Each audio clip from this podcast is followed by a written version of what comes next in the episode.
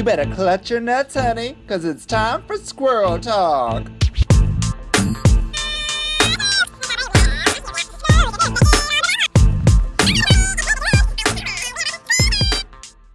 Hola, everybody. Welcome to another podcast of Squirrel Talk here on the Sonar Network. Oh my goodness, I am so enthused for the guest this week. I have talked about her on the podcast pretty frequently because I have said she is my unofficial official drag mother. What does that mean? We'll get to the bottom of it. Please help me in welcoming the one who was there at the very beginning of WikiLeaks. It is, please welcome Wilma Fingerdoo. I know where the bodies are buried. They're in the trunk, Dorian Corey. oh my god. Not a big trunk, but that they weren't big bodies. well, you got to mummify them first. You got to, de- yeah. Yeah, yeah. We You gotta watched wrap them up Pose. in the Naugahyde. That's how old we are. The Egyptian of drag. Hey, how are you, Wilma? I'm fabulous, Ms. Licks. How are you doing? I, I keep seeing your naked boy body on the Instagram, so I know you're alive. Well, that's that's where she's going nowadays. Another direction. Drag has worn me down, honey. But uh, yeah, Oh, I, I'm alive. We're alive. You're you are very busy. You are a YouTube personality. You are pumping out reviews. Um, we're having you on this to do a review with us as well. yeah. I'm, and. I'm so I'm so excited just to see how how busy you've been. Well, thanks. I actually had to stop editing uh, this week's review to to uh, have a chat with you, which is never a bad thing for me. Yeah, oh, to stop one review for another review. Yeah. No, having a chat with you.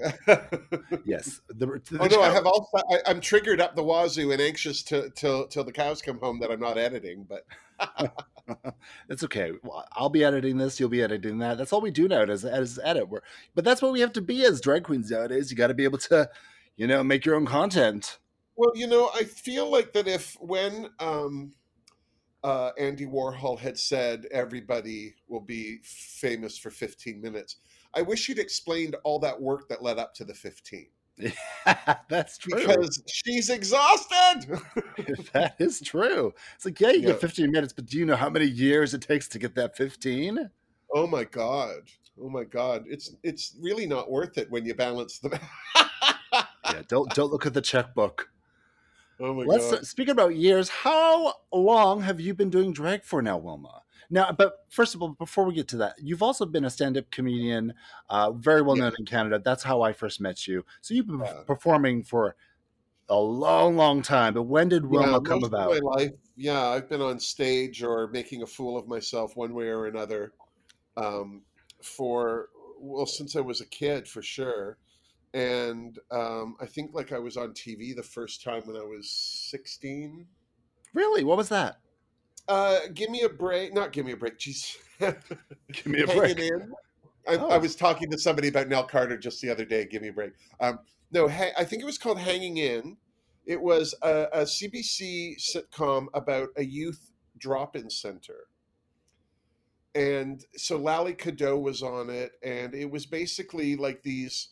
Um, they weren't psychiatrists, uh, but like you know, uh, what, what do you call people that aren't psychiatrists that help you get Social the hard workers? Yes, exactly. Thank you. Very good, Vicky. Uh, Yeah. th- so basically, these these two social workers, a man and a woman, and the, the woman was Lally Cadeau, who's she was on Road to Avonlea, quite a famous actress, and um, uh, so that was my first time. I played a kid with green hair, and uh, it was very odd because it was the first time I was on a movie, like a TV show set, and you know everything's so much smaller because everything's um, depth of field in film. So Yes. like you're in this small room that on TV looks massive. And you know, I was always a big kid. I was six four even then, and all I could think of is that I'm not going to fit in that room. And uh, what's uh, funny about it is, my mom had some severe issues at the time, um, as most people do, and she was in uh, the hospital in the uh, at the time that this got aired. And what was funny is we were in the um, viewing room, like the TV room uh, where she was, because uh, it was for um, uh, like my mom had some mental issues, and and uh, I don't want to say she was in the crazy ward, but that's where she was. And so I watched me on TV for the first time in the uh, mental wing of a hospital and these people are all sitting there watching the television and then they all see me on it and then they're all looking at me in the room and then me on tv and i think it screwed a couple of people up. I feel badly. You're blurring reality. Yeah but then years later what was interesting my first job sewing on a tv show right. was for um, was for uh, road to avonlea and the first thing i made was an apron for lally cadeau so I felt like it was all it was all good in the hood. Everything connected. Road to Avonlea. Of course, that's where. Of course, that's where you started. Canada's such a small country. You're going to bump up against people again and again, whether you want to or not. Oh, you we're constantly bumping uglies. You can't help it. Uh, you know. It's true. So you, uh, so when did you start getting into stand up? Because you were doing, uh, you well, you still do stand up, but you've yeah. been on like you've been on Last Comic Standing, and um, that's where I first saw you before I came to Toronto. I was like, oh, I know this comedian, and I was really impressed by, you know, your stand up background before I met you. Oh, thanks. Yeah, I was. Yeah, I um, I got into, I got into stand up after I See, I had been working as an actor unsuccessfully, and then I, I fell into doing wardrobe work because, you know, you're sitting on a film set and you're doing one thing, but there are a hundred people all there doing another hundred different things. And I realized, you know, I could get a job where I wore a hairnet and asked people if they want fries with that, or I could get a job in the industry I want to work in. You know, I figured it was better to be juxtapositioned and um, ironically, it really isn't. You know, when you go and audition for things and stuff like that, the the casting director and the uh, director of the project themselves, they don't want to know who you are. They want to try and see you as the character they're casting. So the hard thing is, is that I'm a very large personality, and so when I'm on a film set, everybody knows I'm there, whether I, I mean for them to or not. And so being in wardrobe, I was the big gay guy in wardrobe. So I didn't. My auditioning actually went down after that. Right. I ended up while I was in wardrobe. I I canceled uh, my agent. Uh, like I, I fired my agent, and I don't mean it that way because it wasn't an angry thing. But I had got most of my own jobs. Like I had been on a bunch of different Canadian things that were filmed because I called the people. My agent wouldn't even call people, and so I let them go and said, you know, I'm, I'm capable of doing this on my own. And the first thing I did after that I, was I went and took some improv classes because that's that's my jam. I, I uh, when I was in acting school, I discovered improv, and it was my favorite thing in the world. While I was doing like getting back into improv, one of my friends in my class was doing stand up. And now I've always been a fan of stand up, uh, always. Uh, when uh, in the 80s and 90s, when A&E was selling most of their content with Caroline uh, at the improv or Caroline's or all of that, I was watching all of that stuff. I loved it. I'm a great reaction person, but I'm not always the great, greatest instigator person. So uh, the idea of doing stand up was quite scary. And this friend of mine in improv was doing it. She goes, You want to come watch? And I was like, Yeah and I watched and I really liked it. And I thought, oh, like most actors, I think I was kind of frustrated that I wasn't being seen or being auditioned. And here was a way for myself to showcase myself. And I, I think because I have an improv background, um, my stand up was very organic. Like, I remember the first time I went on stage, it was um, Christmas time, and I went on at uh, the Laugh Resort, and they had this bar stool on stage with a little mini Christmas tree for decoration, and on, as the decoration on the tree were all these tall boy beer cans, and all I could think of looking at in that tree in my nervous state was my stepfather, who was a, a violent alcoholic, and like I never talk about him, and I never did, and you know, leading up to this stand-up perf- appearance, I was um, all the jokes I had seemed to be about people going to the toilet, whether it was my brother, my dog, some, you know, all had to do. And I thought, who is this person I'm writing now? So I went to this gig. My brother's in the audience with some friends, and I go up on stage, and the only thing I can think to talk about is my stepfather and his alcoholism. And I did eight minutes on that, and it, w- it went really, really well. My brother, though, is sitting in the audience going, Why is he talking about our stuff? Like knowing who I am and thinking, Oh my God, I'm going to have to go up there and get him. But it actually ended up being very funny. And I think, I think there were a lot of things that were in play for me, like being quick, having the improv background. And I think, you know, when you're genuinely funny, like you have a good sense of humor, you can feel it in the room. You can feel it. And it just really all clicked for me. And so that's when I kind of, I, I, think I was 30 when I started doing stand up. And, you know, the funny thing about that was um, I was kind of thrown into the deep end right away. People treated me like a pro. Not that I got booked on paid gigs, but no one would uh, accept my uh, submission for uh, like new comic categories. I couldn't get on it just for laughs as a new comic because I was too old and it was it was very odd so i kind of got into a headspace early with stand up that i had to do it for me like I, there was no there was no agenda i wasn't you know all the festivals and everything you know i wasn't going to be part of them and and i never was it's very cathartic to talk about the stuff that you were talking about with your stepfather and you know it's kind of therapeutic to make uh to make comedy out of the things mm-hmm. that are kind of hurtful to us sometimes well i think i think also you know it's like what they say is like write what you know. Like if you want to write a good book or you want to tell a good joke, it's got to have some truth to it. And there are some comics that go up on stage and they're just telling stories and they're not even their stories.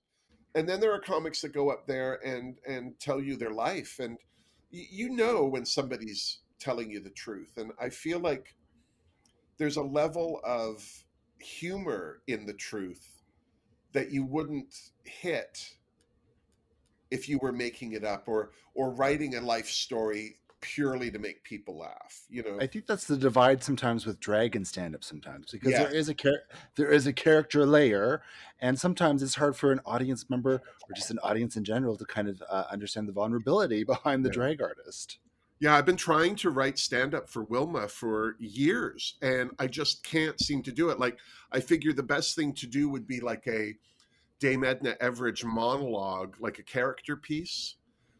But I have done stand up as Wilma. I've had a few jokes for Wilma, but then I fall back into my pattern. And I'm not saying jokes I've done, but the way I talk, like, uh, you know, because Wilma's me. And then I'm on stage and I'm starting to do all of these jokes that I do as myself. And I really haven't developed her as a stand up on her own, but um, I think that she's more of a like a show, like a one woman show drag queen than opposed to like working a room. Do you know what I mean? Yeah, and you have to find out what works best for you in that yeah, in, in that mindset. Um, yeah. Going back to you being a working on set, doing, being a costume maker and all that stuff. That that's actually how I first met you was in the back mm. alley at Miss C's closet. Yeah yeah. Which, if anybody Which doesn't know, way more interesting than it is.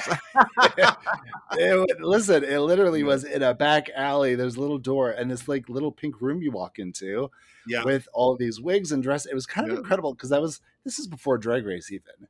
Um, yeah, it was like this little this little drag boutique by misconception, yeah. Shalita Buffet, yourself. Yeah. You're always sitting in the corner sewing something. Yeah. Um, and that's where I well, first met you. And um, where I went to watch one of your, I think it was you were doing a taping for something, and I went to go watch you that night.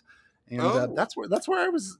You may not remember this, but I remember very well. And that's where I was yeah. like, "Oh, this is really an incredible experience." And that was my first time in Toronto, kind of experiencing drag and stand up and everything together. And it was oh, that's fun. You really, you really planted the seed for me. I have to tell you.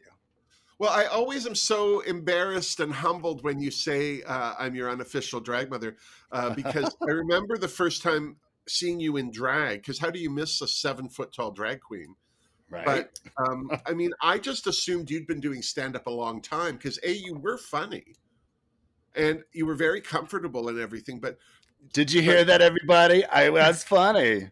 Yeah, no, I I quite enjoyed your comedy, and you do a lot of parody songs, which I'm huge. I, I do that that as well. I'm I'm I'm a whore for a parody song. But sure. at the time, like I, I just assumed you'd been doing a lot more stand up than you had. But you said that I was one of the first people to put you on, and and my thing was Shalita Buffet and I hosted that room. It was the upstairs show at uh, Zelda's. Zelda's door, door prize show, yeah. The door prize show. I'm so sorry. The door prize show on the second floor of Zelda's, and uh, it was um, my rule of thumb was because I wanted an inclusive and broad cast of people. Like if you did sketch and you had a partner or a group, come and do a scene. Um, if you sang, bring your bring your guitar or what have you. Um, and you know, drag queens always got preference. Like if you came in in drag, you got stage time. Um, my my thing was I, I didn't necessarily want a, a lip sync show from a drag queen. I wanted something interesting and different. But yeah, it's a variety still, show. Still, Shalita and I. I mean, uh, our whole thing is like we know how long it takes to put on a face and get into drag, so we're not going to dismiss somebody who's already done more work to be on stage than most of the people standing there.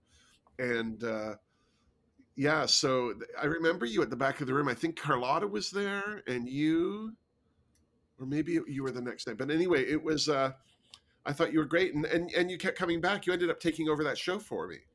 Yes, that was well. That that's part of why I call you my unofficial official drag mother because you are you gave me a lot of opportunities when I started in drag, and you didn't necessarily help me with my drag itself at the time. No, no, oh no. But you gave me a lot of opportunities, which is a, again part of what you know drag mothers do.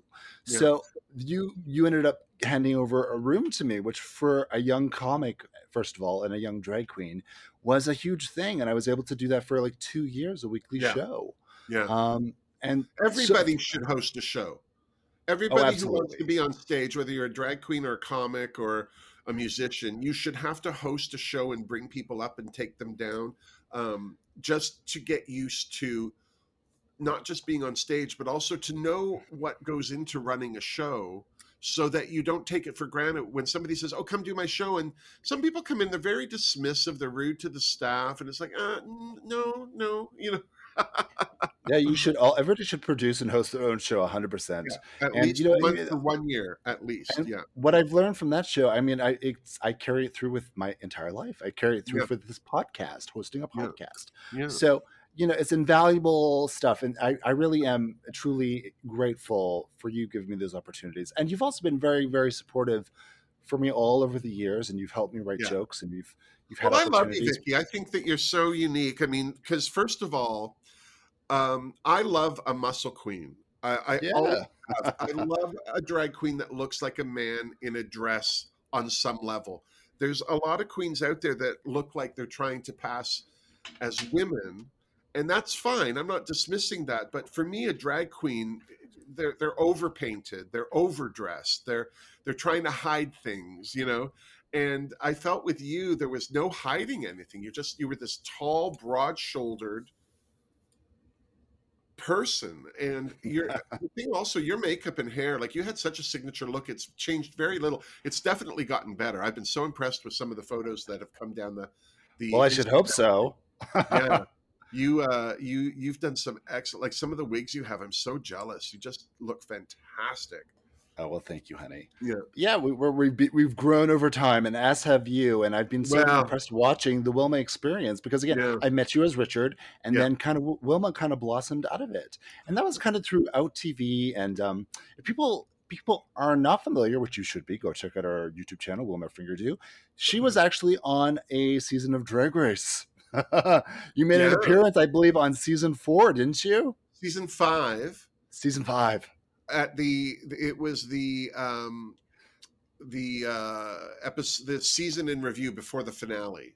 That's right where they brought on all the different people talking about yeah. the drag race. This is when drag was t- season five is obviously one of the biggest seasons that launched the drag race. Yeah yeah and that's season when all four these... was so good that season yes. five couldn't do anything but but be better and then all these reviewers started coming out to review yeah. things and stuff and that's where you you started as that you're one of the very first and so they featured you on the show. Yeah yeah. I got this call i was in ottawa doing stand up for Yuk Yuk's and i was walking when i'm in a city i like to walk around the city and see the city because i'm i grew i grew up in toronto i've never really been anywhere else so i was just on some some uh, romp in uh, Ottawa, and my phone rang, and I answered it, and it was this person from LA, and I couldn't really hear them very well. Like it was, I was like, I'm sorry, like none of the words they were saying were familiar to me. Hi, I'm the producer of such and such from LA, and I'm like, um, I'm not hearing you. But it was one of the producers of Drag Race, and they said, Rue really likes your reviews and wants to include you in a segment we're doing for this one episode. And can you send us stuff? And I was like, oh, yeah, sure. I said, you know, I explained to them I was out of town at the time and didn't have access to my files, uh, but that I would send them Monday. And uh, I sent them everything. And uh, the next thing I know, on uh, I'm one of the top five drag, uh, the Rue viewers, which is what they were called.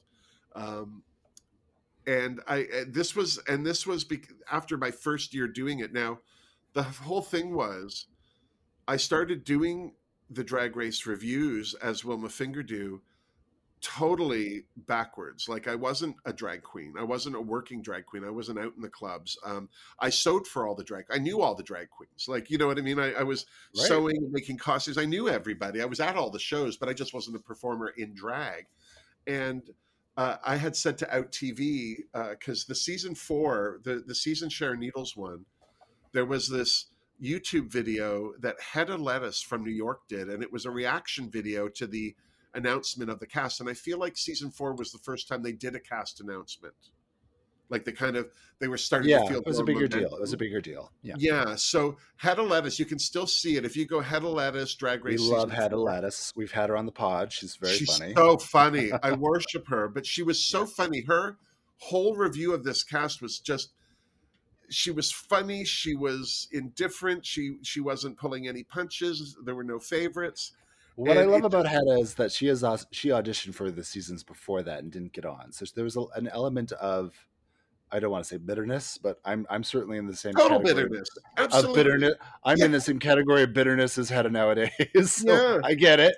but it's it, it it it look what it inspired. You know, I mean, for me, yeah, I I talked to Out TV and said, "Have you seen this review of the cast? You guys should get a drag queen to do this on Out TV, and they go, "Well, why don't you do it?" Because the thing you have to remember about TV and broadcasting is nobody wants to pay to do anything. But if you've done it and it's in a nice tight little bow package, they'll they'll buy it, but they're not going to produce it.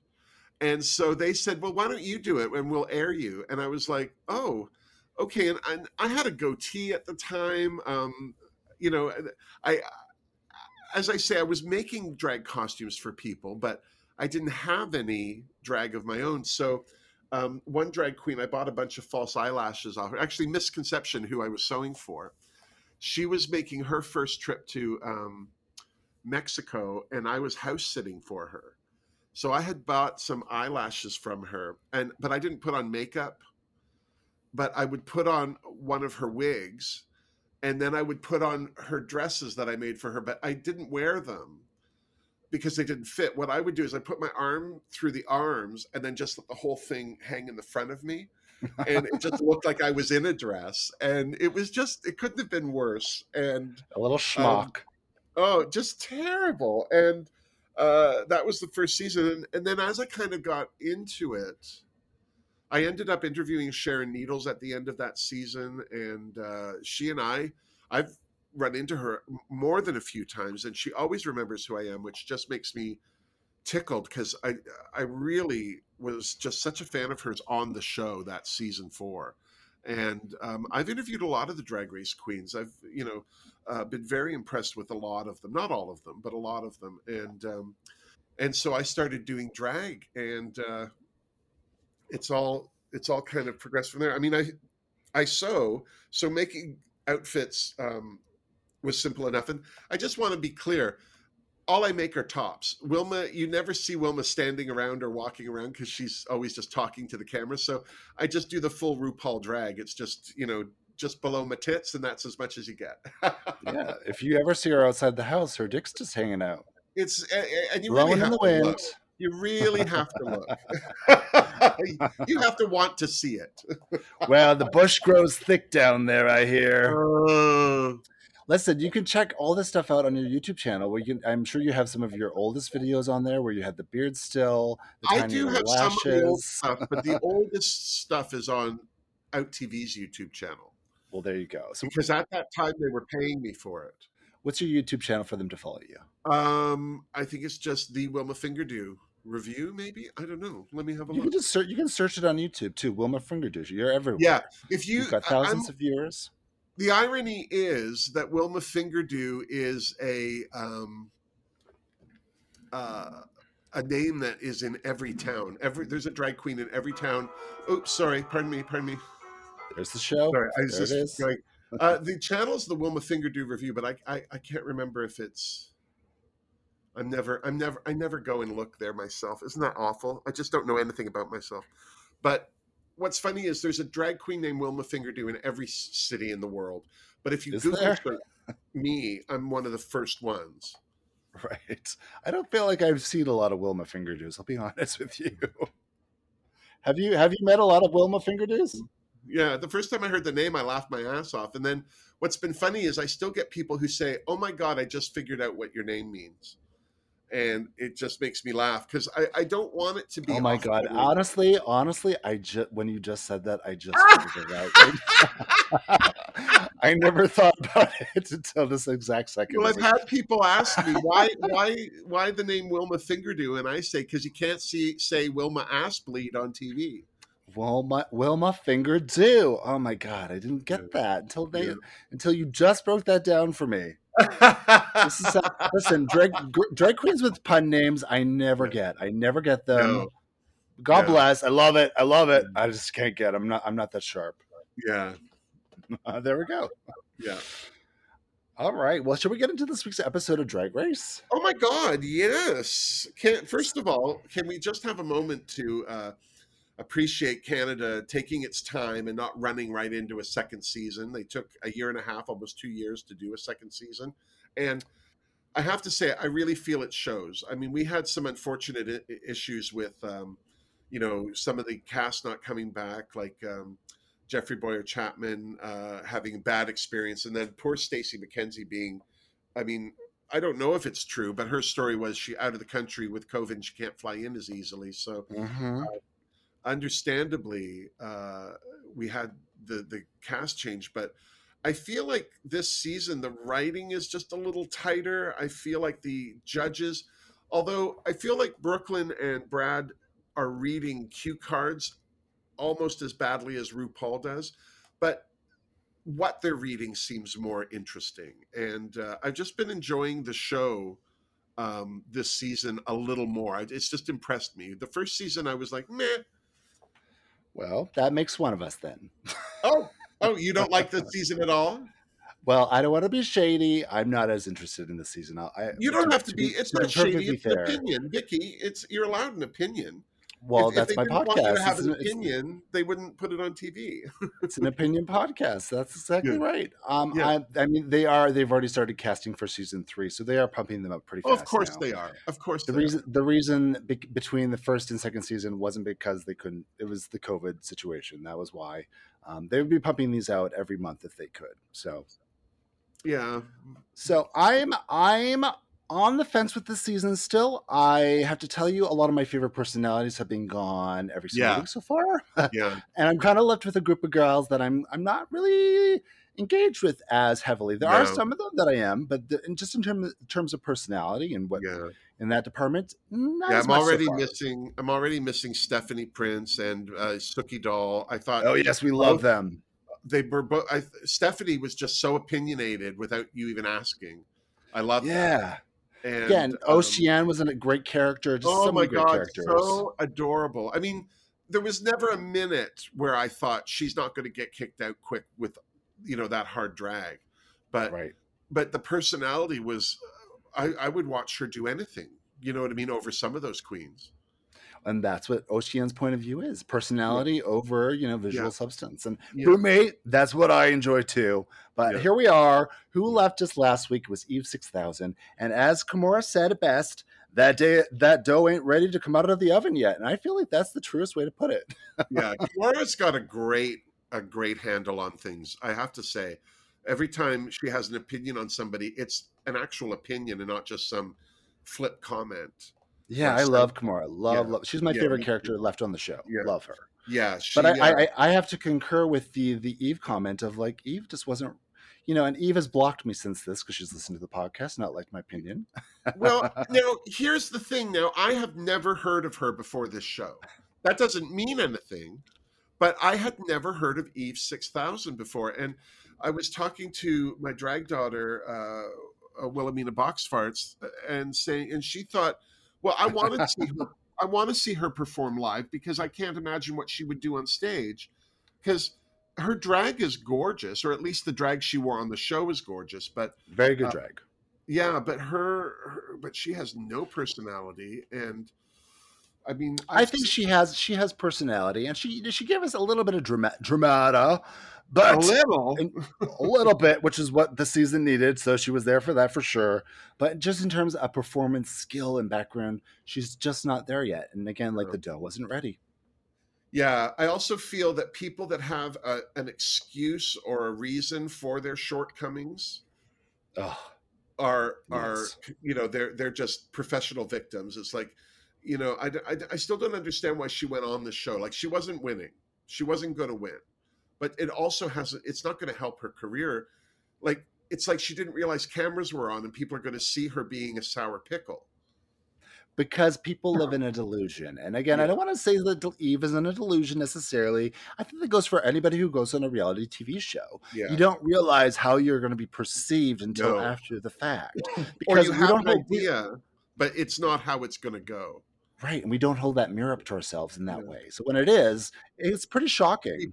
Yeah. I always say to people who say, I want to be famous, is you need to be more specific. Infamous or famous? You know, because Ted Bundy, Ted Bundy was famous Charles Manson was famous. Like, how how do you want to be famous? Oh Lord, you know what I mean?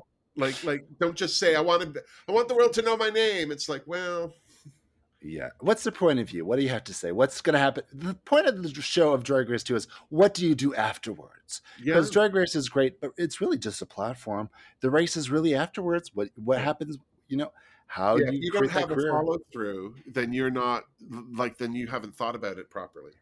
Right. So I will say, Eve, uh, she impressed me in terms of what I know of her, and I thought she did well on the show for that.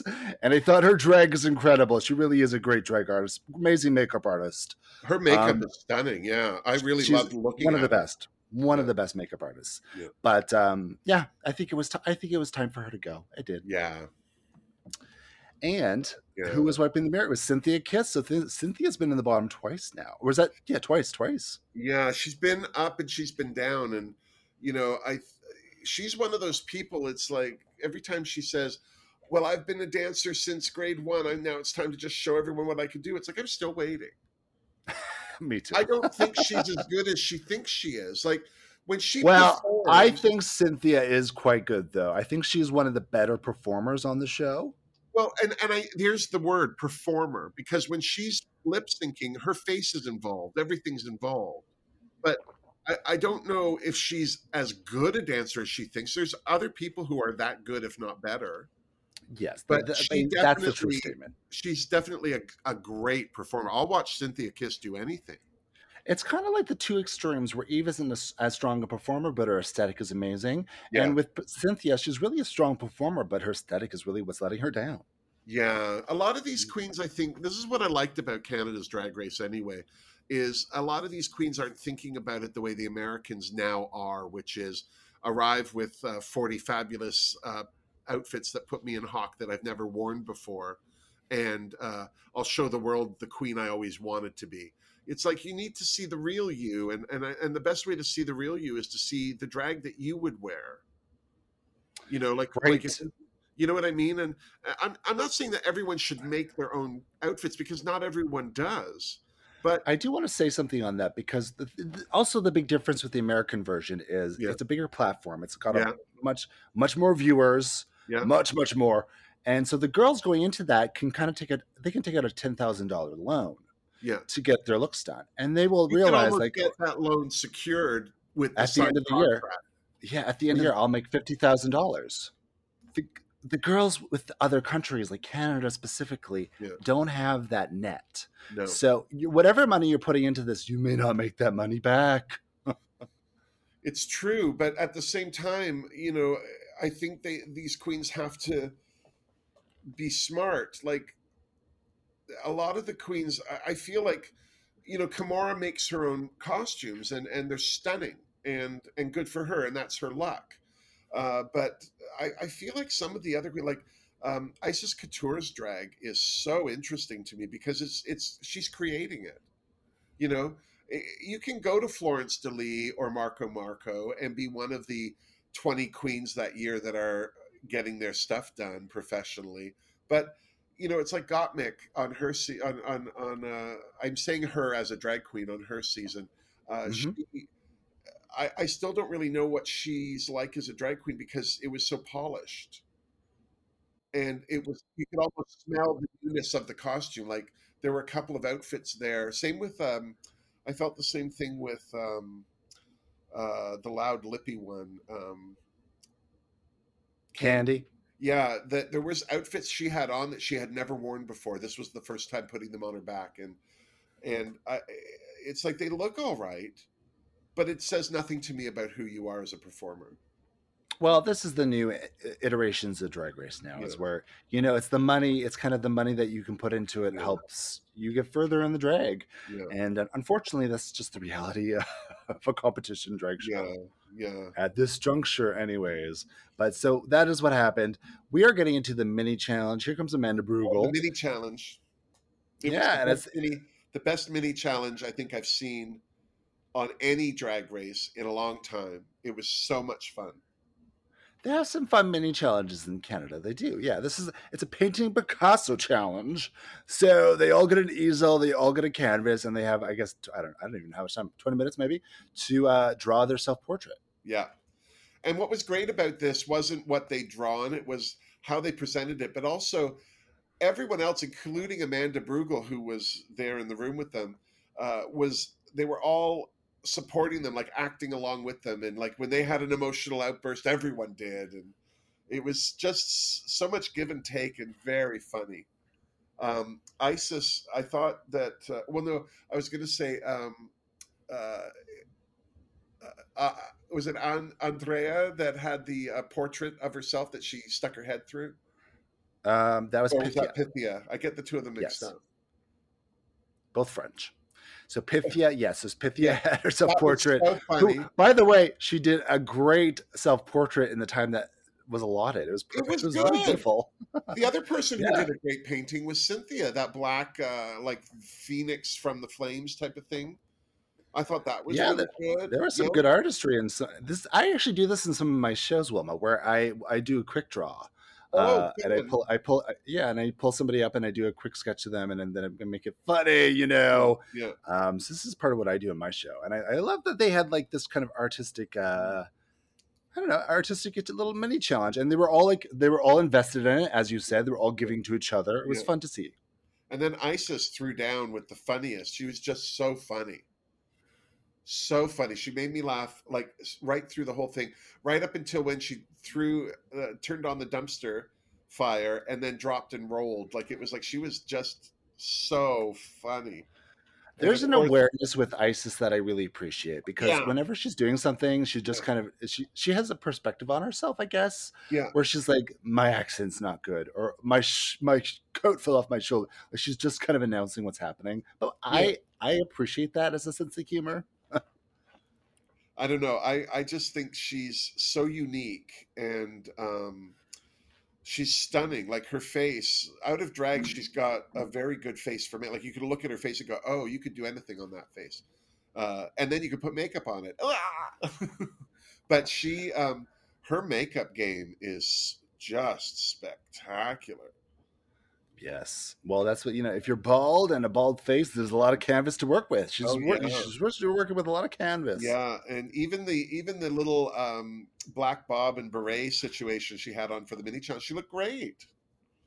They all had a black bob and beret. Oh, they all had the exact same thing. I didn't really pay any attention. I was more I was looking like, at the art, but they were all fun. Yeah. They all, I think, they all did very well they were all high school art teachers yeah. living their best life. Yeah, yeah. And uh, just, oh, that was Adriana. Her first, she was first with that art teacher outfit and the empanada. It was so funny. Yeah, they're just you know trying to stay away from their husband at home, expressing yeah. themselves through their art. Or taking. so the winner is The winner is Icesis. She wins men's suits. Good for her. Yes, and what a great thing because I think that the, the basically the the hardest thing for any drag queen before they're really making some serious money is that all your money goes into drag, so your boy clothes kind of fall by the wayside. Yeah, this is true. Yeah, and so to, for her to have like a, a one nice suit to wear somewhere, that's going to be nice. You know, it's a drag competition, but let's give away suits. Yeah. Yeah. some of not? the some of some of the prizes are a little bit like, okay, we're giving away a tan. We're giving away okay. Well, You know. actually, they're not giving away the tan. It's the tanning places supplying the money that they want. All right, all right. So Yeah, so we're we're They're not- they're tan. they're not- Here's five grand, and you don't have to get a tan with it. it's not five grand's worth of tan. No, because who? No, but I, I would- I would I would love that. I would love that.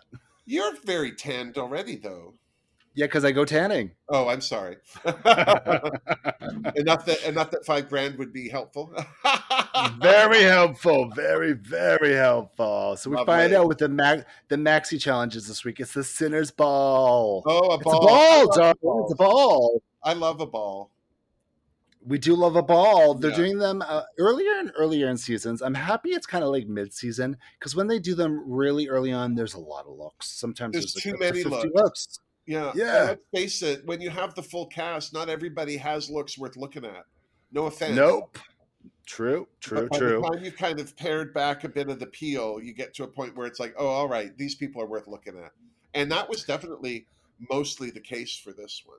I like how they I- had two two categories: sex, drugs, and rock and roll, and then ugliest sin, and then they broke up the seven deadly sins between them for the third look. I loved that. That was a Yeah. great Yeah. motif for the, the ball. Yeah, I love the seven sins. Like that for me is such a powerful like theater thing, uh, fashion thing. One of my favorite things is America's Next Top Model when they had the seven sins shoot on season four. oh yeah, Loved that. yeah, that was so I. I, I really I like that they included the number of girls there in this in this idea. Yeah.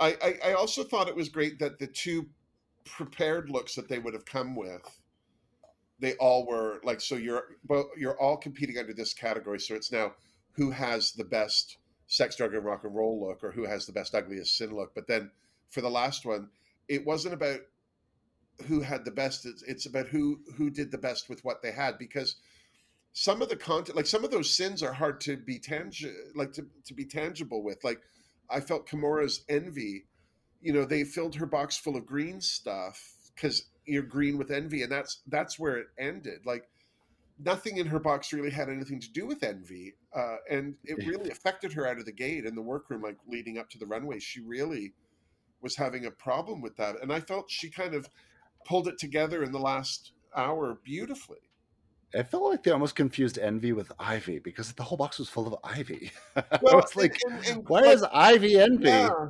Like at best, it could have been the Garden of Eden original sin, but it was, Was that Envy? It wasn't Envy. no, no, yeah, no. They like she she pulled out plant after plant after plant. It's like it was kind of funny actually. no one So was they- that box. Nobody.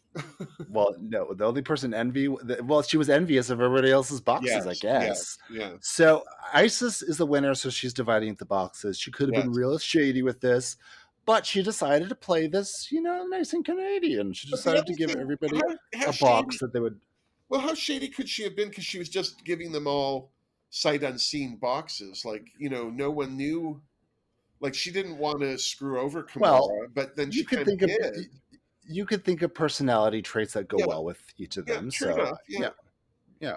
There's I listen, I would have screwed everybody over and I would have known exactly how to do so. Yes, absolutely. You know why? Because I'm there to make good TV. Sex, drugs, and rock and roll, motherfucker. Well, and also you want to win, so why set people up to do well? Well, But I do, I, I do understand what she was. She wants Yeah. to beat everybody at their best. yeah, no, and, and, and that's that's commendable for sure. And I I much prefer that attitude. Like I don't want to see people really giving people a hard time on purpose, but yeah, you want some drama. Come on. Yeah. If he listen, if he was there, Eve would have screwed everybody over. Let's be honest. Yeah. Yeah. Oh, she probably would have. Sure. So here we go. We're getting into the boxes. It looks like so. I'm, I'm watching this. It looks like Pythia's pulling out patterns. Do we think they are allowed to bring patterns? Oh, they always are. about. They they do that on all the shows. I mean, I've seen uh, patterns on almost every episode of Drag Race since season seven, six. I want. I yeah, why they're allowed to bring block. What they bring is a block, and a block is basically um, like uh, uh, just uh, something with darts, so it fits you, and then you from there you make it a dress or like usually it's in two pieces. It's like a a top that's kind of like a bustier, and then a bottom end which can be either shorts or pants or a skirt. But it's it's got all the darts and the hip measurements, so you can go around there. Some people might bring in like a like a big circle skirt pattern that they can then cut at different lengths for what they need. But yeah, the, I've seen patterns before. Like it, it didn't surprise me. And I think for anyone going on Drag Race, you don't need to necessarily be a good sewer, uh, you know, but you need to be able to sew a straight line. And if you've got the pattern already kind of cut for you, then you're good. It's really like once you have a pattern, you Yeah. kind of you just have to piece it together. The hardest thing is kind of is kind of pattern making and designing. So yeah, Yeah. Well, you've also got a short time to make these things, and even if you're good at what at sewing, uh, the the the, the drafting of a pattern or, or the fitting of a garment, like it's hard to fit yourself. So if you have a pattern that you know fits you, all your alterations have already been done on that pattern. Then all you need to do is is sew it, yeah, makes You it know, real easy. And so Yeah. it should be quick. And and if you're smart. You will have made that outfit 20 times before you've walked through that w- workroom. If you're smart, They're not very smart. Let's just say this. Most queens on all the shows aren't very smart. They always seem to be caught up by the sewing challenges.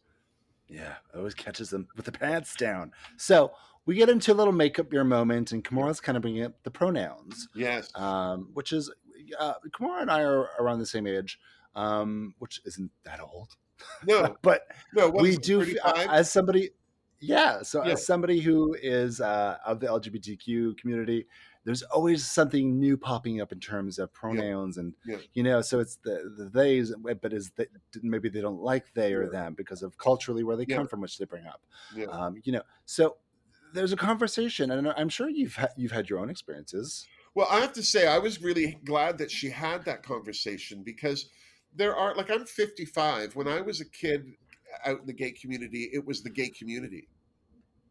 There was no letters. It was just the gay community. And then it became the lesbian and gay community. And then it became the LGBT community. And now it's become the expialidocious community. And it's very, um, like, it, I, I worry because I don't want to insult someone or you know dismiss somebody by not including them but i really can't keep up with it and then there are It's hard to keep up. It really is. well then you have facets of the community that include their own letters but they're really not a big enough facet to have included them in a way that everyone's aware yeah. you know but it's also like when people misgender somebody that's just ignorance it's not it's not insult it's an ignorance to the situation and a lot of people i think you know um, they're not exposed to the the trans community or the uh, non-binary like the non-binary community is more of a mystery to me than the others but Well, uh, that's um, it's a newer concept for Yeah. a lot of people, and Yeah. I, I've and I've kind of developed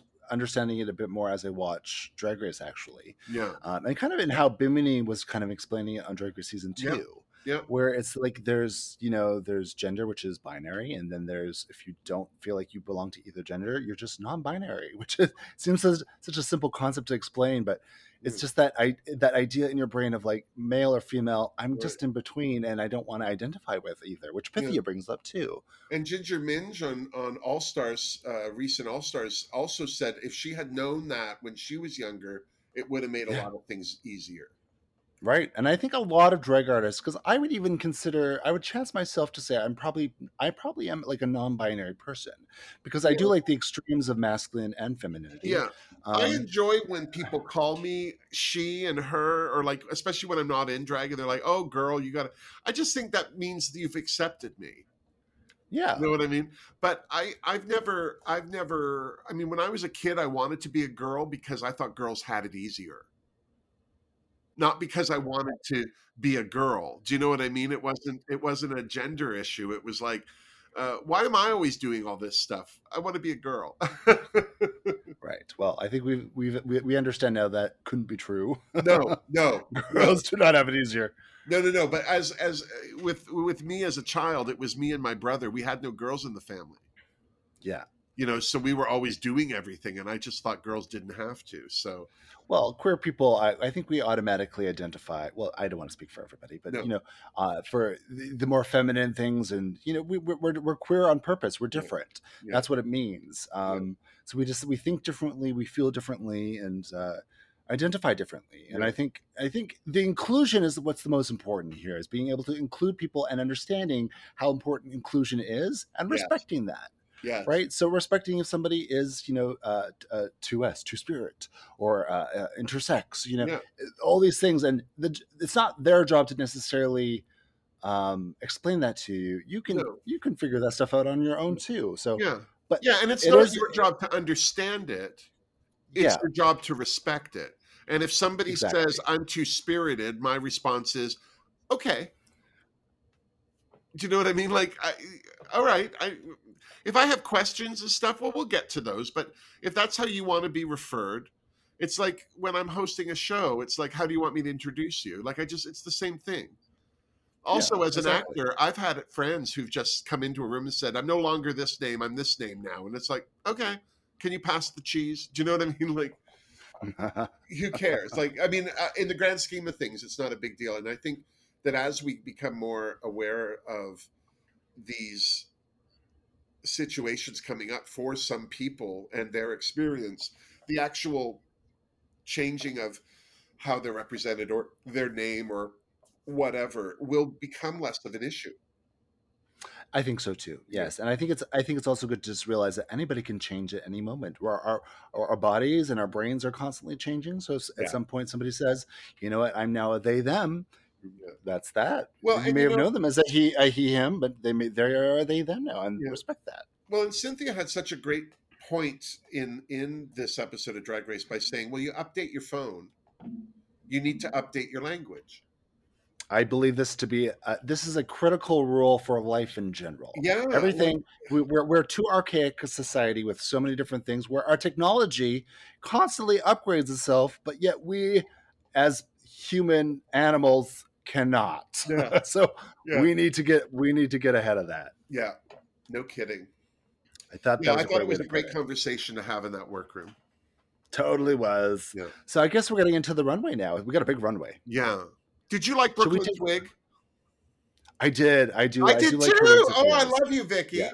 Oh, I loved it. I've talked to a bunch of people and they no one liked it, especially Brad Goreski. He seemed to hate it. I call him Brad Foreskin because that's what it auto from to.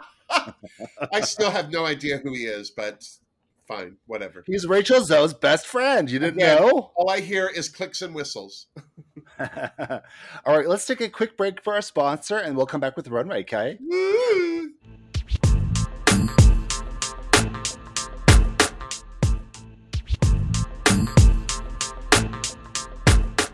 And just like that, we are back, Wilma Fingerdoo. Oh, that took forever.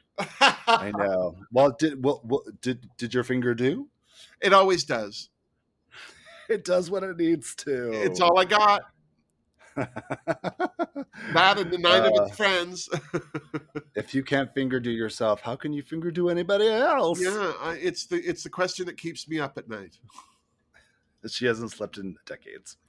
So we are getting into this week's runway. Again, yeah. it's the Sinner's Ball. Yeah. The judges are Brad Goreski, Amanda yeah. Brugel, Brooke Lynn Hytes, and we have Gigi Gorgeous joining us. Do you know Gigi Gorgeous? Oh, Gigi Gorgeous. She I is. Look, this bitch is fucking gorgeous. Yeah, I have to say, I I've known who she is for quite some time. I mean, I think the reason I I became aware of her was because she is Canadian. Like when when people spike on social media and they're Canadian, I'm always like, oh look at you, and yeah. um, so uh, you know I have been aware, but this is the most time I think I've spent watching her on TV. So, but she's a makeup. Uh, she's a YouTube personality. She was a correct? beauty blogger. Yeah, yeah, yeah. Yeah, I, and she transitioned I, I, on YouTube. That was the thing. Her transition was very public, and Uh, Oh, yeah, and she she really she documented it a lot on her channel, like by going to different appointments and and you know how hormones were for her and things like that. It was very impressive. Like she's uh, for, for someone as young as she was at the time to be doing all of that and to be doing it so publicly. I, I it was really I think it not only was interesting, but it, it was very helpful to a lot of confused and questioning kids, especially those in communities where there isn't information available. that's right, and that's kind of the power of YouTube. Sometimes is Yeah, you know with a lot of these things is the, that's why the generations we have today are able to. They're just they think way more progressively than we ever could have. yeah, yeah. And God bless Gigi Well, for that. we're not stuck in these small towns with the border anymore. Like the you know the border is your your uh, Wi-Fi connection. You know. yeah, you have- yeah, yeah, yeah. Yeah. True. So we're getting into the runway. So we're gonna do. So we do another cut, Wilma. So if you like it, you're gonna nut it. If you hate it, you cut it. okay. That's the Squirrel Talk way. And let's go because it's a ball. Let's just go by each queen, and Yeah. so we'll do a queen and their three looks consecutively, and then Perfect. next queen. Does that make sense? Yes. Much much less uh, confusing. Yes. We try. Here comes Pythia with sex, Can I drugs, say and that's rock and not roll. how we did it on my review this week? It was very confusing. It gets chaotic. That's the thing with the balls. I, you have to figure out how to review it. Yeah, yeah, because yeah. otherwise it gets real long. No kidding. So here comes Pythia. She's given Yeah. us sex, drugs, and rock and roll. Yeah. She's got the purple mul- mullet. She's got the tattooed uh, drag skin on her, and then Yeah. she's got one one uh, one heel and then one clunky boot. Yeah. And the the whole story behind that was that the souls she was eating or whatever, uh, the belts that the people were wearing went on the one leg. And Oh yeah, yeah, and I I remember thinking, oh, it looks like a Leigh Bowery um, costume because Leigh Bowery often did very asymmetrical body morph outfits. And then I think it was just yesterday I was reading that's what she was going for. Right. Yeah, Yeah. totally. Yeah. I love this. I'm gonna nut this. I think just in- in terms of, I like that she has a tattoo drag skin. Yeah. Um, I like that it's full body, and then I, I actually like the, the the asymmetry of the two legs. I think that's a really Yeah. fun story Yeah. for this. I'm going to nut That's it as me. well. I'm nutting it as well because I think the one thing was the minute you saw her, the first thing coming to mind is sex, drugs, and rock and roll. yeah, I got the drugs for yeah, sure. there was no question. Yeah, Yeah. What's in that boot? There's cocaine in that bootleg. So here comes Pythia again, and she's giving us Ugly as Sin, and she's giving us Crocheted Montreal Clown. This is that little clown that sits on Grandma's dresser. so creepy. You you, Yeah, you it's don't spooky. want to be the grandchild of the grandma who crocheted that clown. this is, uh, uh, yeah. Is this Sue Johanson's? Yeah, yeah, yeah, right. she's got, uh, she's got little, um, what's the the nails hanging off her toes even. oh yeah, Uh, it's just a full look, and it's the it's it's all crocheted and it's all pretty ugly. I mean, this is the funnest category. I don't know if it was something ugly as much as creepy because like it was that clown face really took it to a, a an ugly level for sure. But um, but um, I mean it was I know- ugly. But If you saw a real woman walking down the street in this, you'd be like, "That bitch is ugly." I don't know. I'd be I'd be more interested in what what happened that that was the face she settled with. she sold herself to Satan. That's all. She's seen things. I'm gonna nut this. I like this. me too. It gets a big nut from me. a big nut. Yes, All right. All right. So possibly even a Brazil. I'm just saying. Oh, we love a Brazilian nut. Those ones are very large, very big indeed. Okay, here Mm. comes her third look at gluttony, and Yeah. she is giving us a kind of candy candy coiffure. I loved it. I? I loved it. I can't believe she made all of those pieces in the same time as everyone else made whatever they made. Yeah, so she's giving us kind of a little Hansel and Gretel kind of moment, like she's Yeah. been eating through the witch's house. Yeah. and uh it's not my I, I will say it's not like what i thought she could have gone the furthest with Right, for me right. just because i know pythia is the most creative there probably Yeah. um i thought she could have gone a bit further with it but i got the vision I, i'm Yeah. gonna give it a nut Yeah. It wasn't really, in my opinion, gluttony. I think if she Yeah. was really going for gluttony, she would have been, she would have padded like fat and gone for a real like real gluttony thing. Like to me, the idea of gluttony is being so big you can't move. Yeah. Do you know what I mean? yeah. So she was very spry and and uh, springy, but I think Han- Hansel and Gretel too is kind of just an automatic thought for that. Too. Yeah, So it wasn't true. an original thought. no. And yeah, I'll give. I, I'm giving it a nut because I was just impressed with the work. Yeah, me too. I'll give it for that reason. Otherwise, I would have cut it. Cut it. I'll nut it. Here comes Kendall. yes. Kendall's given us sex, drugs, and rock and roll. She's got a neon green uh, dreaded hair, and then she's got a bodysuit that's got the, the flames coming off of it. It is just a bodysuit, like they said, but you know what? This is kind of a really nice looking bodysuit for her. Yeah, the wig totally saved this look because the bodysuit Yeah. looked like something a stripper would buy at a store. Do you know what I mean? Again, and this is where I have a problem with some of these pre-made outfits, where it's like, yeah, you, it looks like you just bought that because it kind of was adjacent to the theme. You know, you made Right. it work for what you're. You know, you had that already, and you're making it work for this topic. But that wig was stunning. What So- stripper did she steal this from? I don't know, not a very good one.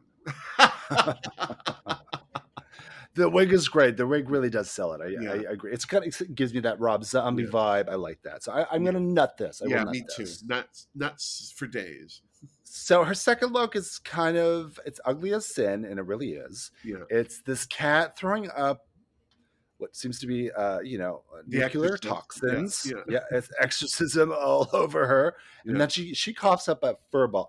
So Yeah. she had a story, but that didn't make any sense. no, And then this is just this is Tina Burner. This is Tina Burner's Yeah. nighty. yeah, yeah, yeah. I don't know. I, I, I, I have to cut that look only because she brought it and it looked worse than the one she made.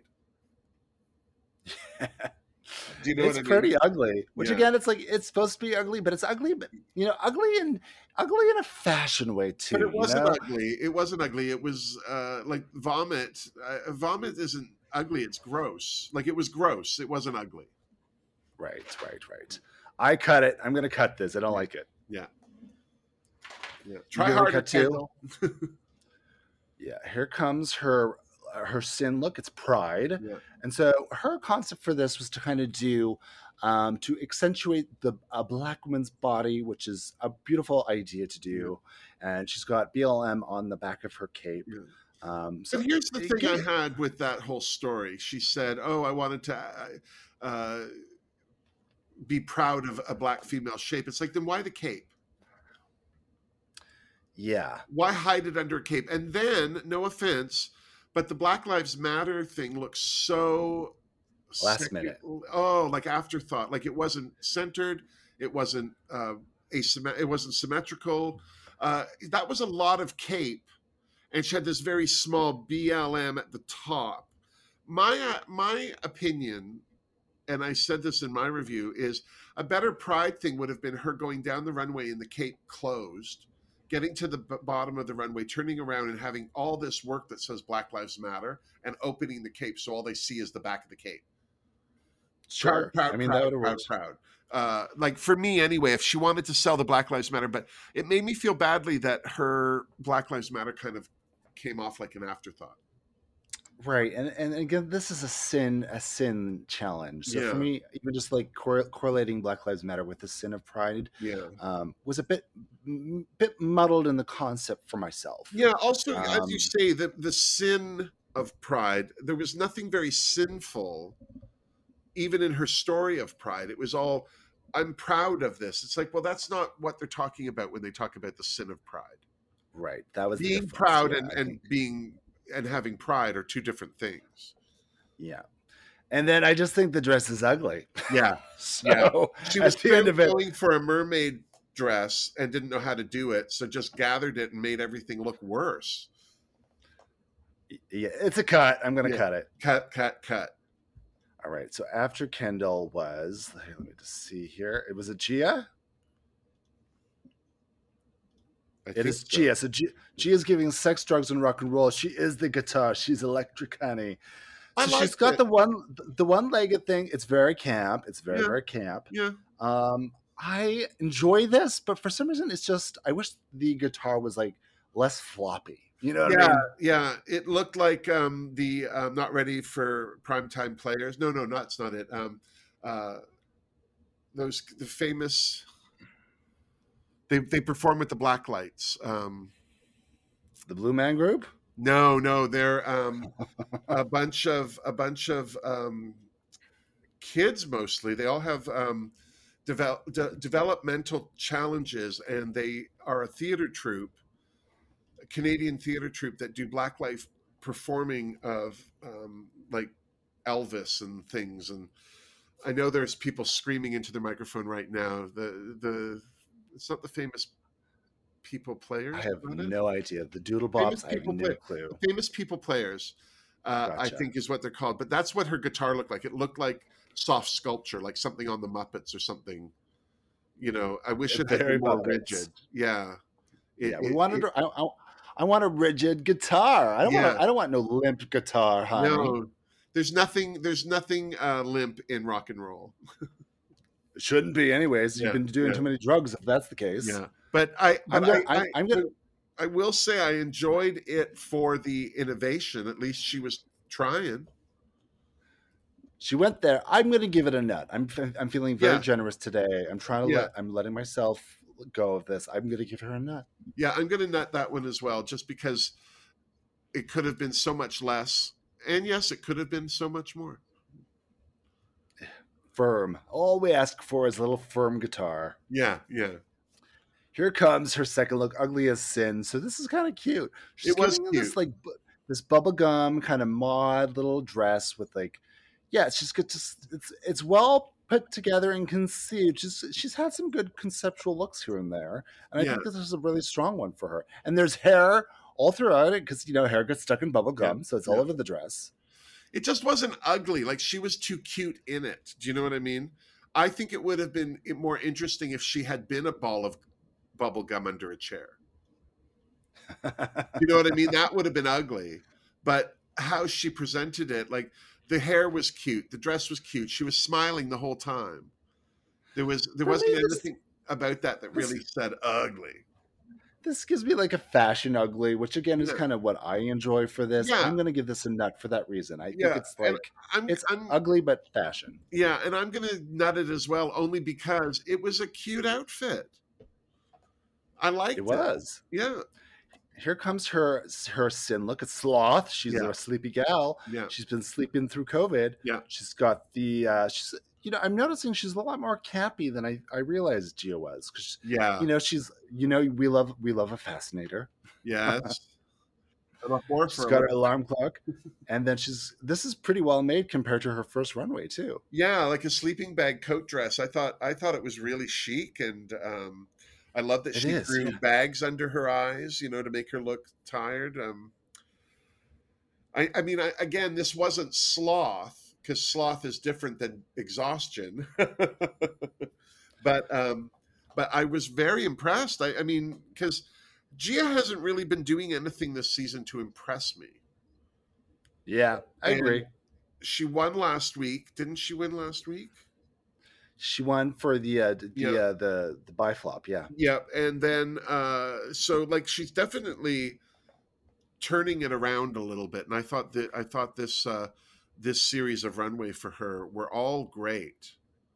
especially compared to her first week. For sure. Yes. Yeah. Oh God, she was in the bottom because of that. Yeah. So I'm gonna give I'm gonna give her sloth look a nut. I like this Yeah, a lot. I think this actually pretty. well totally deserves. reminds, it. it reminds me of like Linda Evangelista waking up from a nap. Oh my God! Before the disforming, well, she had some bubble gum, so they put her back together. they just a little string and bubble gum. Yeah, that's all That's it all it takes. takes. It. That's all it takes. Know your Hollywood. angles. Here comes Adriana. She's giving us sex stars rock and roll, and she's kind of giving us a. So it's like an asymmetrical. It's kind of like what you would expect, really, but it's I kind of really very it. Yeah. she does beautiful details. She Yeah. really does these incredible, intricate jewelings and just Yeah. uh, the the uh, the bobby pins, all Yeah. that stuff. Like just put together. well. I don't love the wig with it necessarily. It's giving me a little bit of like, um, what's her face? The uh, country singer. What's her name? Oh, I don't know. I thought she looked like Pat Benatar and uh, Helena Bonham Carter's love child. Oh yeah, that makes sense too. So That of course I loved it. Yeah. I'll give it a nut. I'm feeling Yeah. generous. I give it. A yeah, this was the sex, drugs, and rock and roll that I grew up with, so I gave it a nut too. That's right. That's right. So, um, what's her name? Ashley Judd. What's the other Judd? Wynonna Judd. Wynonna. I don't know. I I got Wynonna. Did you get Wynonna? no, no. Oh. I think if she had had long red hair, uh, maybe. But Right. because she had the black hair with the purple highlights and that, or the purple. Oh, I know I, why I got Wynonna. It was her ugliest sin runway. This is very Wynonna. oh my god, you're so funny. so she's got this is one of the best performance pieces on the runway is when she comes out in this like just condom shaped poop Yeah, I, I called Patterns. it a mushroom cozy. It was like a quilted mushroom cozy.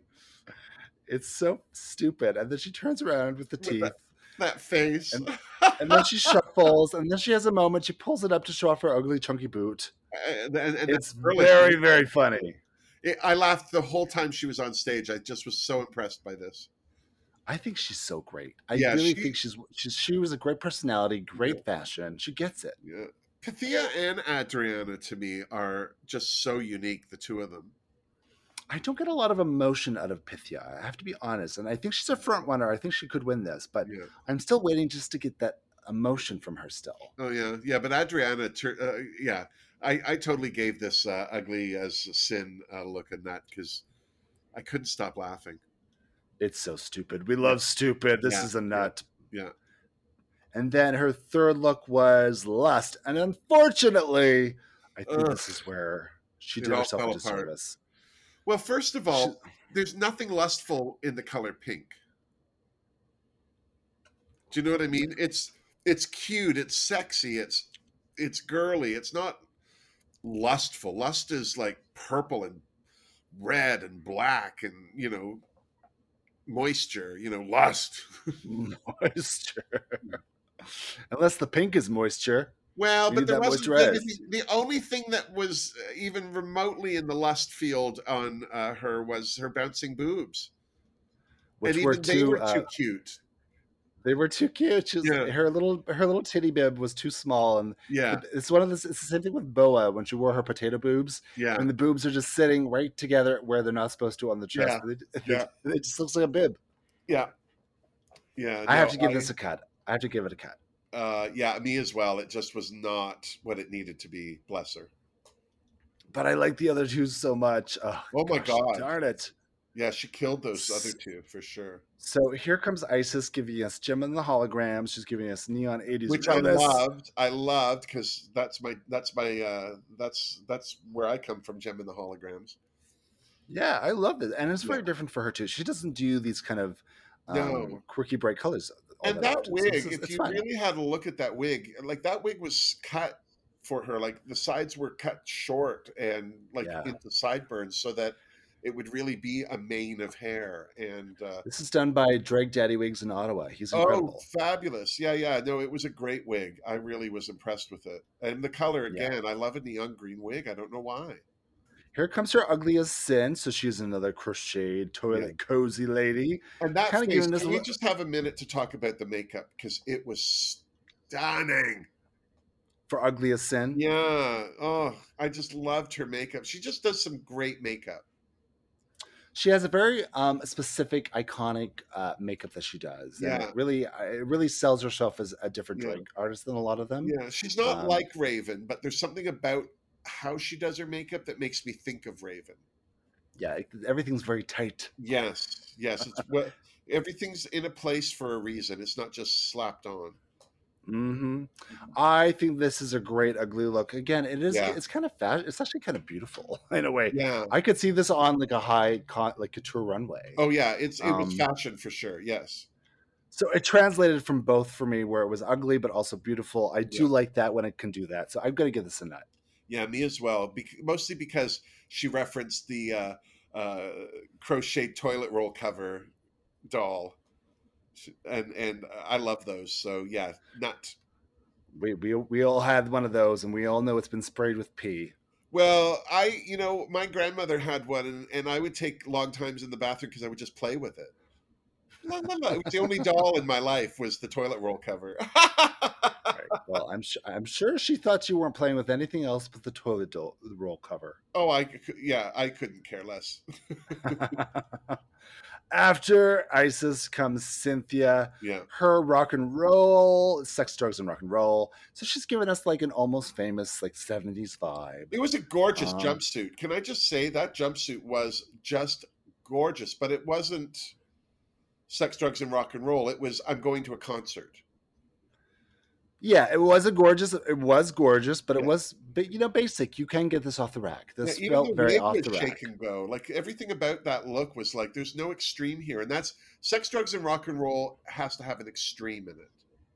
Yeah, exa- well, I mean, it's open for interpretation. Yeah, yeah. Uh, you know, But when we're talking about a runway, like a ball runway, bring it. And she didn't. I want enough. more. Yeah, she didn't bring enough. I'm gonna give her a cut. I cut Yeah, it. Me too. Cut. All right, her second look, "Ugly as Sin," is the best she's ever looked. Well, she looked. crazy. You know, I love me a Joey Heatherton moment, and that's what she was giving us. Um, So she's giving us a little a pixie cut bob, and Yeah. then she's got this pearly pink circle cut with ostrich feather lining. It's yeah. she, she just she just looks so precious and like kind of the best she's looked on the show so far. It's kind of crazy that It's thought this was the ugliest. Yeah, I don't know what she was thinking. Like maybe she thought that dress was ugly, but nothing is ugly when it's pink. That's the first thing. Pink is just a happy color. Um, ugly things have been made less ugly by just painting them pink. Uh, and then the, again, she, the glamour cut that that little pussycat wig and her makeup, like yeah, that's it was uh, odd that that was the best she's ever looked, and she thought that was ugly as sin. So the, for the category, I feel like I have to cut it because it doesn't give me ugly as sin. No, even though totally I love a cut. this, Yeah, I, I, think this is actually the best she looks. Yeah. I wish she wore this for other categories. You know what's funny is I wish she'd worn it for her sin, which was greed, because that circle Oh yeah, made it all about her. Like, but it- she brought this, so she couldn't. yeah, like she's But- in the middle of her own this- spotlight, so it's like greed, greed, greed, me, me, me, uh, and then her greed outfit could have been ugly as sin because woof. It's true. So the greed is gold. She's giving us a little bit of an animal print in there too. Um, but this hat, is just a pylon covered animal print hat. yeah, this is not what I needed. Not at all. It was So it I'm was I'm horrible. s- I cut it. I cut it. Yeah, me too. Yeah, get it out of my. It's offending me. I can't look. So we cut Synthia. Here comes Kimora Amour giving us rock and roll, sex, drugs, rock and roll. Yeah. She's a Turner style. Yeah, I liked I liked the idea of this. And I really did like that dress, but they didn't go together. No, in terms of you know a fringe Tina Turner, we've seen this on the show a thousand times. Yeah. I this is this wasn't even full fringe at least. Like, No, I couldn't even remember in my mind a time when Tina would wear a sequin dress like that. Yeah, so for me, th- I felt like she just had it and she was using. it Yeah, she was just but- making a, a, an owned item work. But in saying that, I think she performed it really well, and she sold the Tina Turner aspect of it. So I Oh, got yeah. that, and that you know that it was giving us a different style of rock and roll. Tina Yeah. Turner is rock and roll. Yeah. But I will cut this as a look. I'm going to give it a nut only because I felt that she sold the hell out of that. True. you know it didn't it didn't need to like yeah she could have i don't know there were a hundred different things she could have worn and she worn that dress and I, I i do i did like the dress i just didn't think it was something tina turner would wear but still i knew exactly who she was doing even the wig wasn't tina turner really you know what i mean so i i gave it a lot of allowances on that on the uh, actuality and and reviewed this basically on on her ability to sell it to me and she totally did Fair enough. So her second look, ugly as sin. We have to discuss this. This is a performance moment, and this is really this is when the show can kind of transcend itself. Yeah. And where making a statement and having a point of view is really important for you as an artist. yeah And she did that. She brought in ugly as sin, slavery, this woman who has been a slave, she's shackled up, and she's giving us the full performance of it. Powerful. Now, in terms of in, tower, in terms of the look, it's a pretty, you know, it's a it's a, a basic look, I guess you could say, in terms of that. But mm. for me, that does that goes all out the window Yeah. because the performance overrides all of it. And the best thing about that performance was there was very little to it. It was just she took her time. She forced the everybody to look at her. Yeah. Like she wasn't quick about it. It was uh, and and she took her time, which made it the longer it took, the more uncomfortable it made you, which is the point. And I was so impressed by that. And this is when, you know, it would have been simple to just come out with a cute look or something, but she really put Yeah. thought into this. Yeah, And she was really like, I have something to say on this. This Yeah. is this, you know, you, you want to know what really is ugly as sin, how black culture has been treated throughout the centuries here and how we continue to be treated. And and I just I really love Kimora for having the point of view and the the the platform using this platform in that way for herself. yeah. I think Yeah, it's just impressed incredible, and it, re- it, I think she's going to use that much further beyond this show. Even Well, it's definitely going to set her apart from a lot of the other drag queen queens because you know she's she's clearly an intellectual person and she thinks about things. Now, keep in mind she also has a 17-year-old son at home.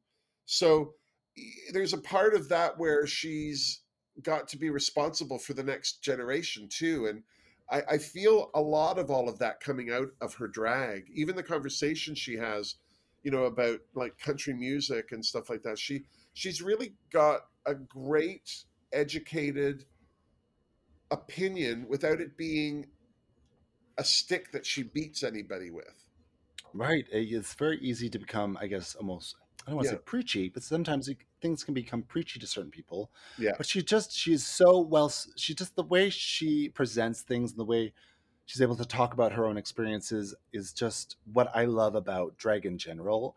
And what I love particularly for her, we've had her on the podcast, and just hearing her speak about her own experiences, um, it's, it's again, it transcends the entire concept of the show. yeah So this is a complete net. It's one of my favorite things that's come out of Drag Race across the board for any franchise. Yeah, yeah, I agree. I thought that um, uh, Maria Valencia was it Maria Mar- Mariah, yeah, yeah, Mariah? Yeah, sorry, she, uh, she like- did something similar in her well, uh, she had that whole show. Yes, poem thing with the red, and uh, there was something about how she executed it that didn't. It lacked the impact that Kimora's did.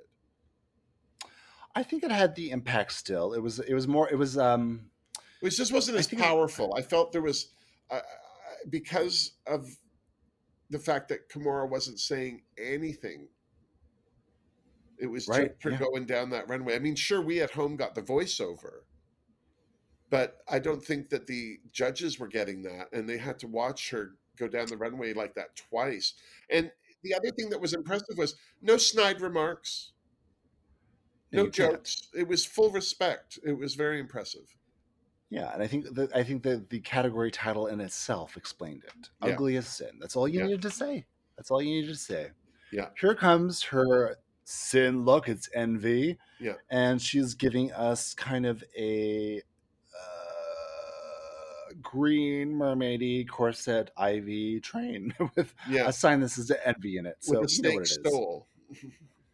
Right. I'm going to I'm going to cut this look though. For me, I did not love this look. Do you know what? I'm giving it a nut, and I'll. Uh, this is why, because she didn't let that box defeat her. Sure. You know, I I don't think anybody could have done a better look than what she did with those ingredients, with those items in the box. So the fact that she was struggling so hard at one point and then still turned it out, that deserves a nut for me. I was I was impressed because she could have just let it. She could have just let it railroad her for sure. Fair enough. She had a finished garment coming down the runway. Um, I guess, I guess, I guess I don't get what the snakes and No, leaves had to do with envy. I still am confused, but that's really the box's fault. It's exactly. It's the box's fault. It wasn't her fault. True, but I'm still blaming her. She gets a cut, but she gets my biggest nut for her performance because that was incredible. yeah, yeah, she did a great job.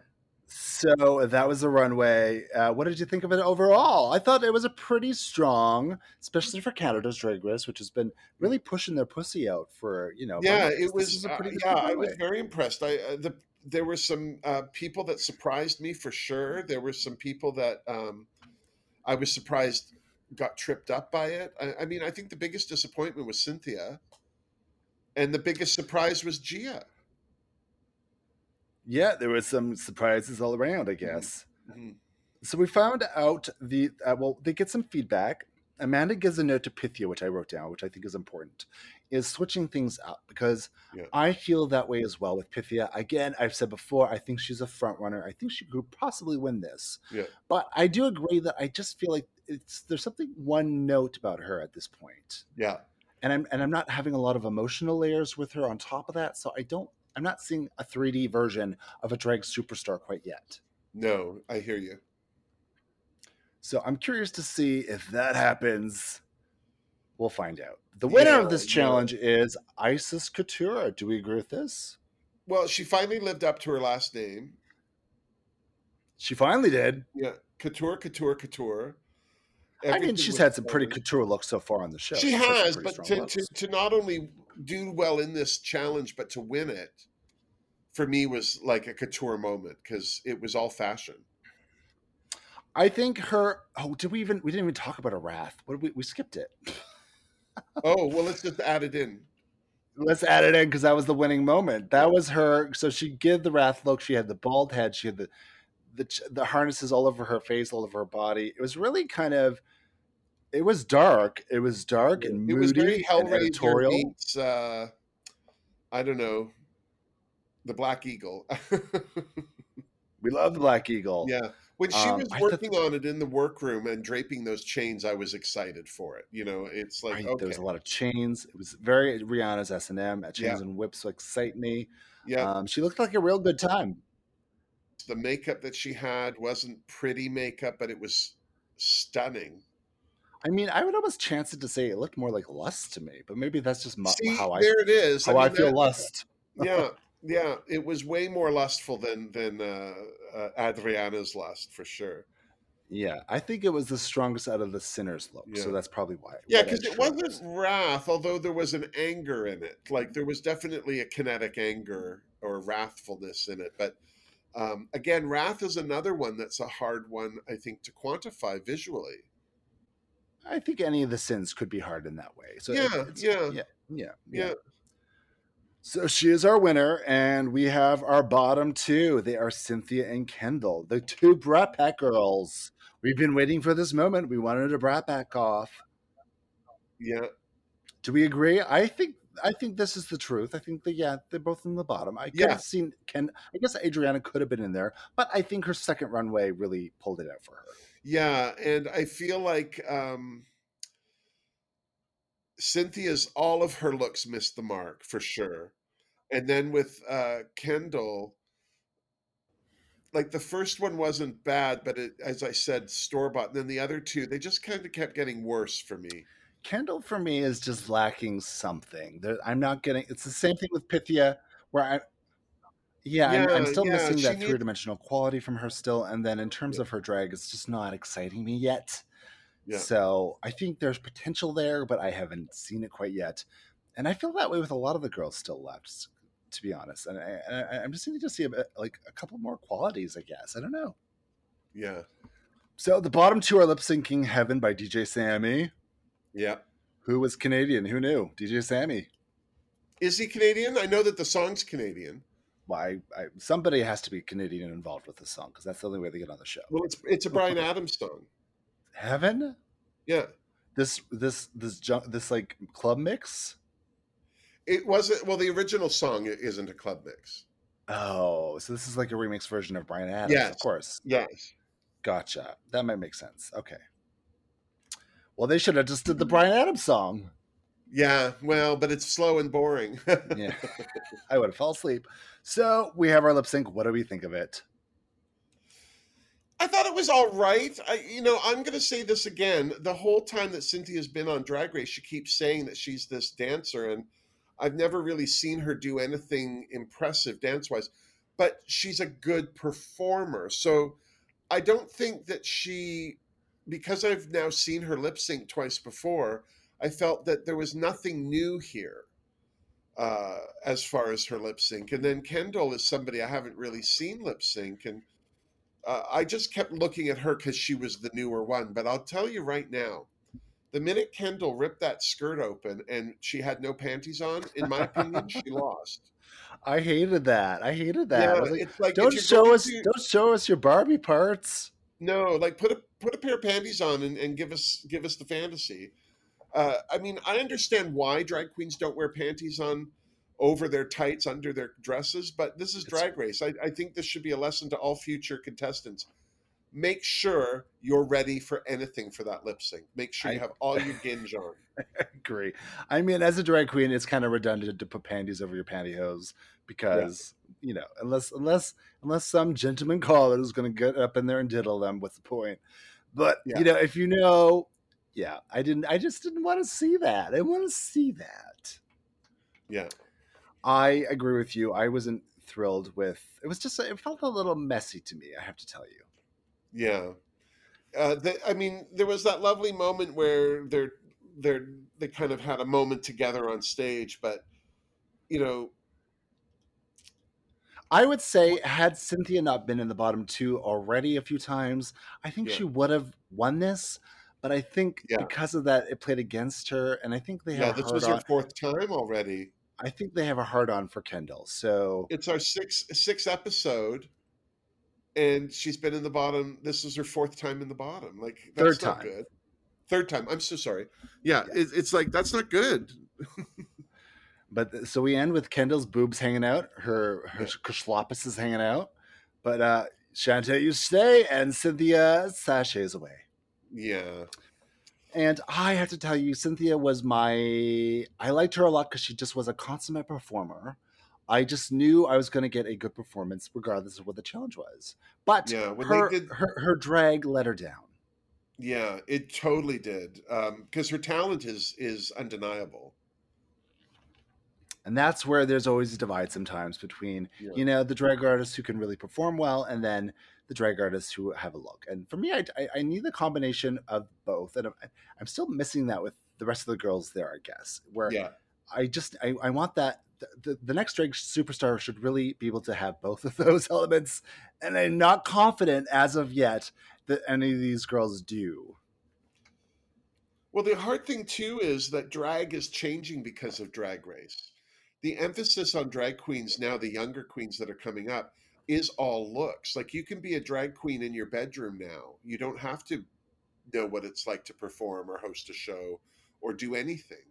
And um, you know, we've certainly seen how far those experience get gets queens on drag race, but still, these queens are making it onto the show um, and I think too, you know, there's this level of um,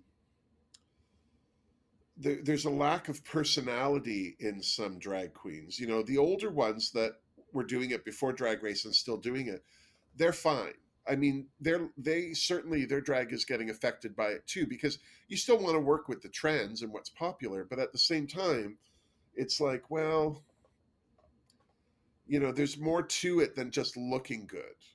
At the end of the day, when it comes to booking things and a couple years down the line, the ones who can really perform are going to be continue to get booked a couple Yeah. years from now. But the ones who don't have that power and people are going to start forgetting their names sooner than later because there's so many seasons popping out, that's when it gets real for them. It's like you, yeah, you should have had a personality and perform. also you know we've had some queens like sharon needles had plans she wanted to record an album before she was on drag race. She wanted to be the next elvira mistress of the dark. Like she had plans. Jinkx monsoon wanted to be on broadway as a drag queen. Uh, same with um, ben de la creme uh, um, bianca del rio like uh, Adore Delano, these queens all had goals outside of Drag Race. So when Drag Race was done, they were able to focus on those goals. And a lot of the queens I'm feeling in the more recent seasons just want to look good. And Yeah. I, put Kandy Muse there because Kandy Muse has done nothing, even though she changed her name to Kandy Muse Producer.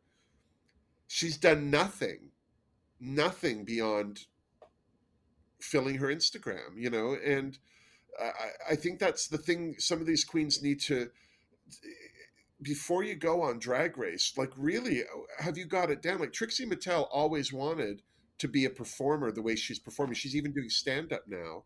And her makeup company was something she always wanted to do. And so she's doing those things. And uh, i just think that there's a lot of queens out there that go on drag race. They don't really have a clear idea of what they want to take away from the experience.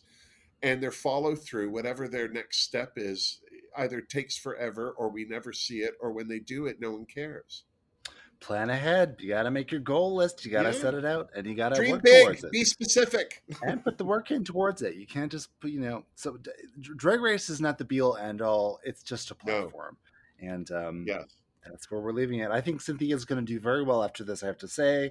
Congratulations synthia you were a favorite of mine on the season. Yeah if anyone's going to drop an album anytime soon she'll definitely be the one because she's got a beautiful singing voice for sure She does. Give me some Yeah. cats, honey. And uh, next week is a roast challenge. I'm. I don't know if I'm looking forward to that. I always, I don't know. You must, I mean, because as a comic, the roast challenges for me are hard to watch just because there's nothing worse than watching a comic bomb. yeah, But then on top of that, there's nothing worse than making somebody do comedy who's never thought about doing comedy before. Right. Well, this. I mean, none of these queens have ever. That's that's part of this too. Is like I need comedians on this season. I need them on the judging panel. I need them in the. I need them in the cast. And if you're casting a season that has a roast in it, I kind of want a drag queen that's done comedy at the very least to be a part of that. Yeah. You know, we can Yeah, have we I can have we can have a bunch of them that've never done it, but I need at least one that's done something. Yeah. I never I never wanted to be on a drag race show competing, but I've always wanted to be a judge and I sent uh, Canada's Drag Race a package for season 1 knowing in my heart knowing I'm not famous enough. It's it's not about whether you'd be a good judge or not or whether you'd be funny or not. It's about are you bringing an audience to our venue? You know what I mean? Which I totally understand. And I um I mean everyone's always asking me on my YouTube channel, "Oh, when are you doing? Are you going to submit? Are you going to do it?" It's like, no, but I'll judge it. Yeah, they have to come to you. They have to ask you. You're famous enough, girl. Listen, some of the Oh no, I'm some, not at all. Some of the judges they had on. Let's be honest. Come on. But the thing is, like a lot of the judges that they do have on are either on a TV show that's on, or they're hitting with a demographic that's young. So people like you and I don't know who they are because, well, they're not for us anyway. I mean, right now, my YouTube channel only has 7,500 subscriptions, and I've been doing it for like nine years. That's pretty good. Well, I should have I should have more than that. In when you think of some people that have been doing the same thing that I've been doing for only the last three years, and they're already into the hundreds of thousands of subscribers. Do you know what I mean? Um, I'm not. I don't have a problem with my subscription level, but when people look at me as somebody to include, it's like, well, they're they don't have high numbers. Like they have no Instagram, they have no real YouTube. So what are they bringing to the table for Well, us? You are bringing a lot to my table, honey, because you have Well, you, revolutionized. you've revolutionized my drag career, and you breath you breathed life into it, whether it's for good or bad. You're welcome, world. they have you to blame. All my enemies talk to my mother. Um, it's been an absolute pleasure having you on the Squirrel Talk podcast, Wilma. Thank you for joining me. oh, thank you so much for asking me finally. And I had the best time myself. You know what? Time you just have to you have to wait for the right time. Timing is everything. hey, I, I'm I'm a I'm I'm a, a good waiter. well, I love you. You're welcome back anytime you want. And please go check out our YouTube, Wilma Fingerdoo. And The Wilma check out- Fingerdoo review on YouTube. Yes. and what's your socials for Instagram if they want to follow you there? Um, and on Instagram, it's just at uh, Wilma Fingerdoo. Wilma Fingerdoo. Thank you again. And thank you for listening, squirrels. Make sure you review, subscribe, rate us if you enjoyed this. If you didn't, go fuck yourself. And uh, Ah. tu- tune in next week for our roast, which I'm sure to, I don't think I'm going to enjoy it, but I'll be here to review it. thank you again, Wilma. Love you. Bye, squirrels. Bye.